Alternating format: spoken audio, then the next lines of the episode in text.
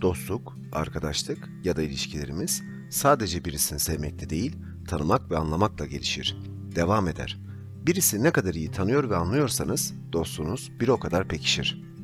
Peki ya dijital dünyada birisini ne kadar iyi tanıyor ve anlıyoruz? Bugün sizlerle dijital dünyanın ilişkilerimize yarattığı etkileri ve dönüşümünü konuşacağız. Merhaba, ben Yıldırım Özkan. Bugün pandemi sürecinde bir arkadaş, bir sevgili gibi hayatımıza daha fazla giren dijital dünyadan ve üzerimizdeki etkilerden bahsetmek istiyorum. Tam bir yıldır evlere hapsolduğumuz uzun soluklu bir dönemden geçiyoruz. Bu süreçte birçok insan kendisiyle baş başa kalabildiği ve kendini biraz daha dinleyebildiği bir zaman dilimi yaşadı. Pandemiden önce hayatımıza büyük rolü olan internet, özellikle bu dönemde vazgeçilmezler listemize ilk sıraya yerleşti.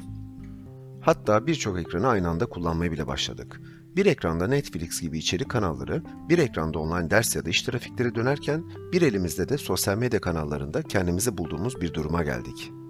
Dijital dünyanın yarattığı bu olumsuz etkinin gündelik yaşantımıza da yansımalarını hissediyoruz. Eskiden anlayışla karşılayabildiğimiz, idare ettiğimiz şeyler artık daha fazla rahatsızlık vermeye başladı. Sosyal mecralar mümkün olduğu kadar kısa sürede birçok şeyi söyleme ya da gösterme endeksi çalışır. Örneğin Instagram hikaye modu 15 saniyeden uzun içerik yayınlamasına izin vermiyor. Başlarda isyan ettiğimiz, hatta az dediğimiz bu süre artık bizlere çok fazla geliyor. En temel sebebi de o kadar çok içeriğe maruz kalıyoruz ki dürtüsel olarak hızlıca bir sonrakine geçmeyi istiyoruz. Bu otomatik davranış normal ve sıradan gelebilir. Ancak bu 15 saniyelik sürenin dijital dünya dışındaki yaşantımızı da etkilediğini söyleyebiliriz. Görüntüler bizde, dünyada her şey yolunda ve herkes mutlu, sanki bizde bir şeyler eksikmiş hissi uyandırıyor. Aslında biliyoruz ki hiç kimse kötü ya da olumsuz şeylere yer vermiyor. Çoğunlukla mutlu olduğu ya da mutlu göstermeye çalıştığı durumları bizlere sunuyor. Bunu her ne, ne kadar bildiğimizi zannetsek de beyin bir süre sonra bu bilgiyi göz ardı edip duygusal anlamda bizlerde ufak hasarlar bırakmaya başlıyor.